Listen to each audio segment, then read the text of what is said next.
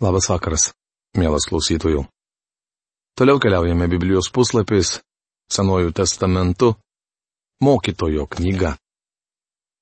Šiandien apžvelgsime dešimtą skyrių. Prieš pradėdami prisilietimą prie šventojo rašto žodžių, paprašykime palaimos to, kuris tuos žodžius mums davė. Dangiškasis Dieve, Mes dėkojame tau už tavo sūnų Jėzų, per kurį turime galimybę ateiti prie tavo malonės sosto. Ir dėkojame tau, kad galime atsiversti tavo šventąjį raštą tuos žodžius, kuriuos tu skiriai mums, kad mes ne tik juos žinotume ir kartais girdėtume, bet paklustume ir būtume to žodžio vykdytojai. Dėkoju tau, brangus Dieve, už tai, kad jokia rašto pranašystė nėra savavališkai aiškinama ir neatėjusi žmogaus valia. Bet tavo dvasios vedami šventi žmonės užrašė tos žodžius, kuriuos tu jiems pavedėjai. Ačiū tau, kad mes šiandien turime išsaugotą šventą įraštą ir galime girdėti tuos nuostabius pamokymo žodžius. Prašom, kad tu apšviestum viešpatė kiekvieno žmogaus vidinį žmogų, kad mes išgirstume tave, kad mes galėtume suprasti, kokį reikalavimą tu turi mums, kad galėtume pamatyti save tokius, kokius tu mus matai. Palaimink šį laiką ir padėk mums, nusidėjėliams, Jėzaus vardu. Amen. Taigi dešimtas skyrius. Skaitydami šį skyrių, akivaizdžiai matome, kad gyvenimo neteisybė skatina elgtis nuosaikiai. Viena negyva musė gali sugadinti visą kvapų į aliejų. Maža kvailystė nusveria išmintį ir pagarbą. Mokytojo knygos dešimtos skyrius pirmą eilutę. Gyvenime gausu šios tiesos iliustracijų. Po vienos linksmybių nakties žmogus gali visam gyvenimui likti ligonis arba net atsisveikinti su gyvybe. Bažnyčios tarnautojas prieš daugelį metų man sakė. Užaugau krikščioniškoje šeimoje ir niekada nebuvau mergišius. Kai suradau darbą ir palikau namus, vieną vakarą išėjau su draugais pasilinksminti. Tai buvo vienintelis pasilinksminimų vakaras mano gyvenime bet jo užteko, kad užsikrėščiau venerinę lygą. Teko keliams metams atidėti vestuves ir turėjau nutraukti sužadėtuves su nuostabe, miela mergina. Taigi, viena negyva musė sugadins visą kvapų į aliejų. Tai baisu. Motina 21 metus moko sūnų išminties, bet kokia nors mergina apkvailina jį per penkias minutės. Na ir reginys. Vienas paikas, neapgalvotas poelgis gali sugriauti gyvenimą jums ir kitiems. Išmintingo žmogaus širdis veda jį į dešinę, kvailojo į kairę. Mokytojo knygos dešimtos skyriaus antra eilutė.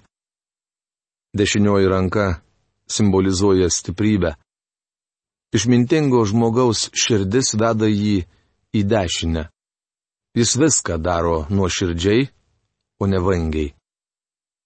Kvailojo širdis veda jį į kairę. Toks žmogus viską daro abejingai ir atmestinai.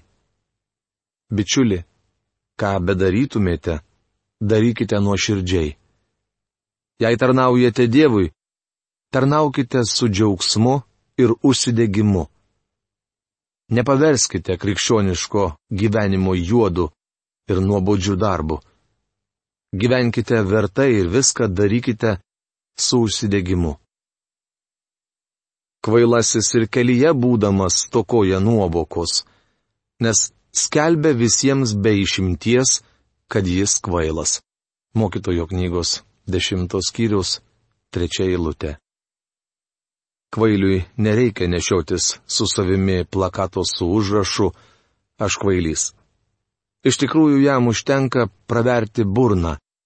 Beje, dažnai nereikia nei to. Ir visiems pasidaro aišku, kas jis.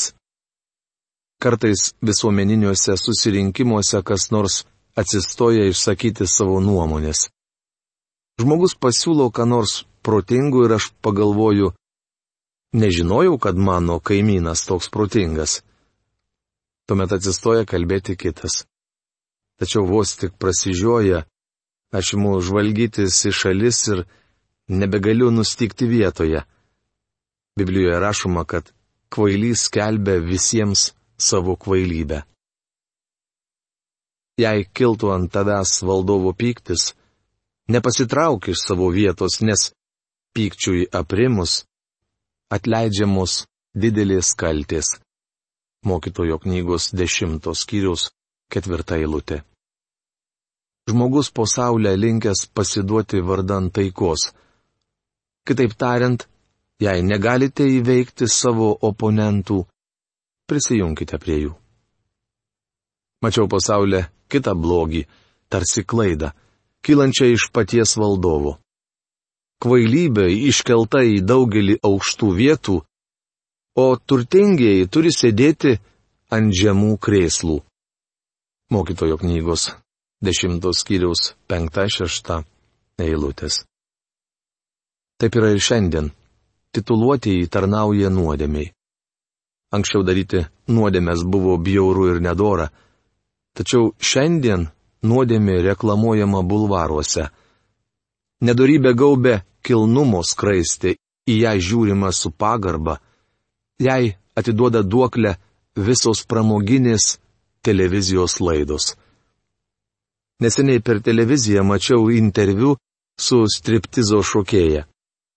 Kai buvau paauglys ir gyvenau be dievo, mes slapčia eidavome į naktinius klubus stebėti striptizo programos. Tai, kas anksčiau buvo bjauru ir nedora, šiandien vadinama meno forma. Salemonas sako, kad kvailybė iškelta į daugelį aukštų vietų, o turtingiai turi sėdėti ant žemų krėslų. Ar kada girdėjote interviu su eiliniu piliečiu ar paprastu krikščioniu? Juk būtent tokie žmonės labiausiai pasitarnauja savo bendruomeniai ir visuomeniai. Ar kas ima iš jų interviu? Ne, niekas jų nevertina. Apie tokius žmonės neišgirsite per televiziją, radiją. Visas dėmesys skiriamas nusidėjėliams ir keistuoliams. Mačiau raitų vergų ir didžiūnų, einančių pėsčiomis tarsi jie būtų vergai. Mokytojo knygos dešimtos kiriaus septinta eilutė. Sunkus darbas, mokėjimas taupyti pinigus ir bemiegės naktys prie knygų dar negarantuoja sėkmės. Tuo tarpu, kaiminystėje gyvenantis kvailys gali paveldėti milijoną. Kartais kvailys joja raitas, o didžiūnas eina pešiomis turėjau privilegiją sutikti daug nuostabių nuolankių žmonių. Daugelis iš jų gyvena kukliuose namuose, kiti yra pasiturintys. Tačiau ir vieni, ir kiti dažniausiai lieka nepastebėti. Tai didžiūnai einantys pėsčiomis. Kas kasa duobę, tas įpuls ją. Kas ardo akmeninę tvorą, tą įgels gyvatė. Mokytojo knygos dešimtos skyriaus aštunta eilutė. Kvaila manyti, kad galite išvengti bausmės už nuodėmę, ypač jei esate Dievo vaikas. Galbūt Dievas nesims veiksmų iš karto, tačiau po kurio laiko tikrai susilauksite bausmės. Tai patvirtina krikščioniško gyvenimo patirtis. Krikščionys elgesi nedorai ir regis nieko jiems nenutinka. Bet anksčiau ir vėliau Dievas už kiekvieną darbą atlygina. Kas kaldo akmenis, tą jie sužeis. Kas kerta medžius, tam jie sukels pavojų. Mokytojo knygos 10 skyriaus 9 eilutė. Profesoriaus Algirdo Jurieno Biblijos vertime šį eilutę pradedama taip. Kas laužia akmenis, gali jais susižeisti. Akmenys anomis dienomis ženklindavo nuosavybės ribas. Dievas buvo įsakęs izraelitams neperkelti ežeženklių. Čia vėl pabrėžiama, jog žmogus neišvengs bausmės už nuodėmę. Ką jūs siejate, tai ir pjausite. Jei bandote pasiglemšti svetimą nuosavybę, Dievas pasirūpins, kad jums atsirūktų. Štai kodėl viešpats sako patiems nekeršyti. Laiško romiečiams 12 skyriaus 19 eilutėje parašyta. Mano kerštas. Aš atmokėsiu. Viešpats suves visas sąskaitas. Jei kirvis būtų atšipęs ir žmogus prieš tai jo nepagalastų, reikėtų įtempti jėgas. Sėkmingiau pasinaudoti išmintimi. Mokytojo knygos 10 skyriaus 10 eilutė. Jei turite nors kiek nuovokos, pasigalaskite atšipusi kirvi. Buku įrankių darbuotis daug sunkiau. Deja, daugelis nepasirūpina, kad kirvis būtų aštrus. Neseniai vienas vaikinas pasisakė man, jog Dievas šaukė jį pamokslauti. Prieš pradėdamas tai daryti jis norėtų išklausyti trumpą paruošiamą į kursą. Aš pasakiau, jaunuoli, neskubėkite, pagalaskite savo kirvi išaštrinkite kalaviją. Nepradėkite tarnavimo nepasiruošęs. Kvaila tikėtis, kad atšipusių kauptukų išrausite daug pėkdžiolių. Pagalaskite kauptuką, o tuomet eikite ravėti lysvės. Taigi mokytojo knygoje gausu vertingų pamokų. Tai neįprasta knyga. Jei gyvatė įgelia, kol dar nebuvo apkerėta. Tai jokios naudos kerėtojui. Mokytojo knygos 10 skyriaus 11 eilutė. Kad suvoktume šią eilutę, turime suprasti tam tikrus rytiečių papročius. Panašus žodžiai užrašyti 58 psalmės 5-6 eilutėse. Jų nuodai kaip nuodai gyvačių, kaip kurčios ausis užsikimšusios angies, kuri nebegirdi kerėtojų balso, ar įgudusio gyvačių žavėtojo kerų. Ta pati mintis išreikšta Jeremijo knygos 8 skyrius 17 eilutėje. Pasiūsiu prieš jūs nuodingų gyvačių, angių, kurių jokie kerai neveiks. Jos gels jūs mirtinai tai viešpatie žodis. Angis yra mirtinai nuodinga gyvatė.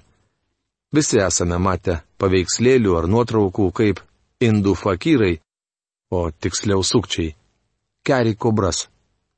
Jie groja ragų monotonišką melodiją, o kobra juda šokio ritmu. Kol iš ragų sklinda melodija, ji negelia. Nežinau kaip jūs, bet aš sutikęs kobrą gročiau jai, kol išleiščiau paskutinį kvapą. Šiaip ar taip, galiausiai kobrai ar angiai pabostų klausytis mano melodijų ir jį įgeltų. O jos įgėlimas reiškia mirtį. Manau, skaitytoje pastraipoje angis reiškia ne gyvatę, o kerėtoje apgaviką ir išdaviką, koks buvo Judas Iskarijotas. Toks Izraelio tautos atžvilgių didžiojo suspaudimo metu bus antikristas. Net ar bažnyčios narių pasitaiko melo skleidėjų. Jei gyvatė įgelia, kol dar nebuvo apkerėta, tai jokios naudos kerėtojui. Žmogus gali dėtis esas jūsų draugas, bet jis įgels jums kaip angis, kad ir koks geras jam būtumėte. Tikriausiai panašų jausmą patyrė Dovydas, kai prieš jį atsigrėžė bičiulis Ahitofelis. Jis buvo artimas Izraelio karaliaus draugas ir patarėjas, tačiau šis vyras paliko Dovydą ir stojo maištininko apšalomo pusin. Dovydas dėl to labai sielvartavo ir manau, kad po apšalomo maišto jis palūžo.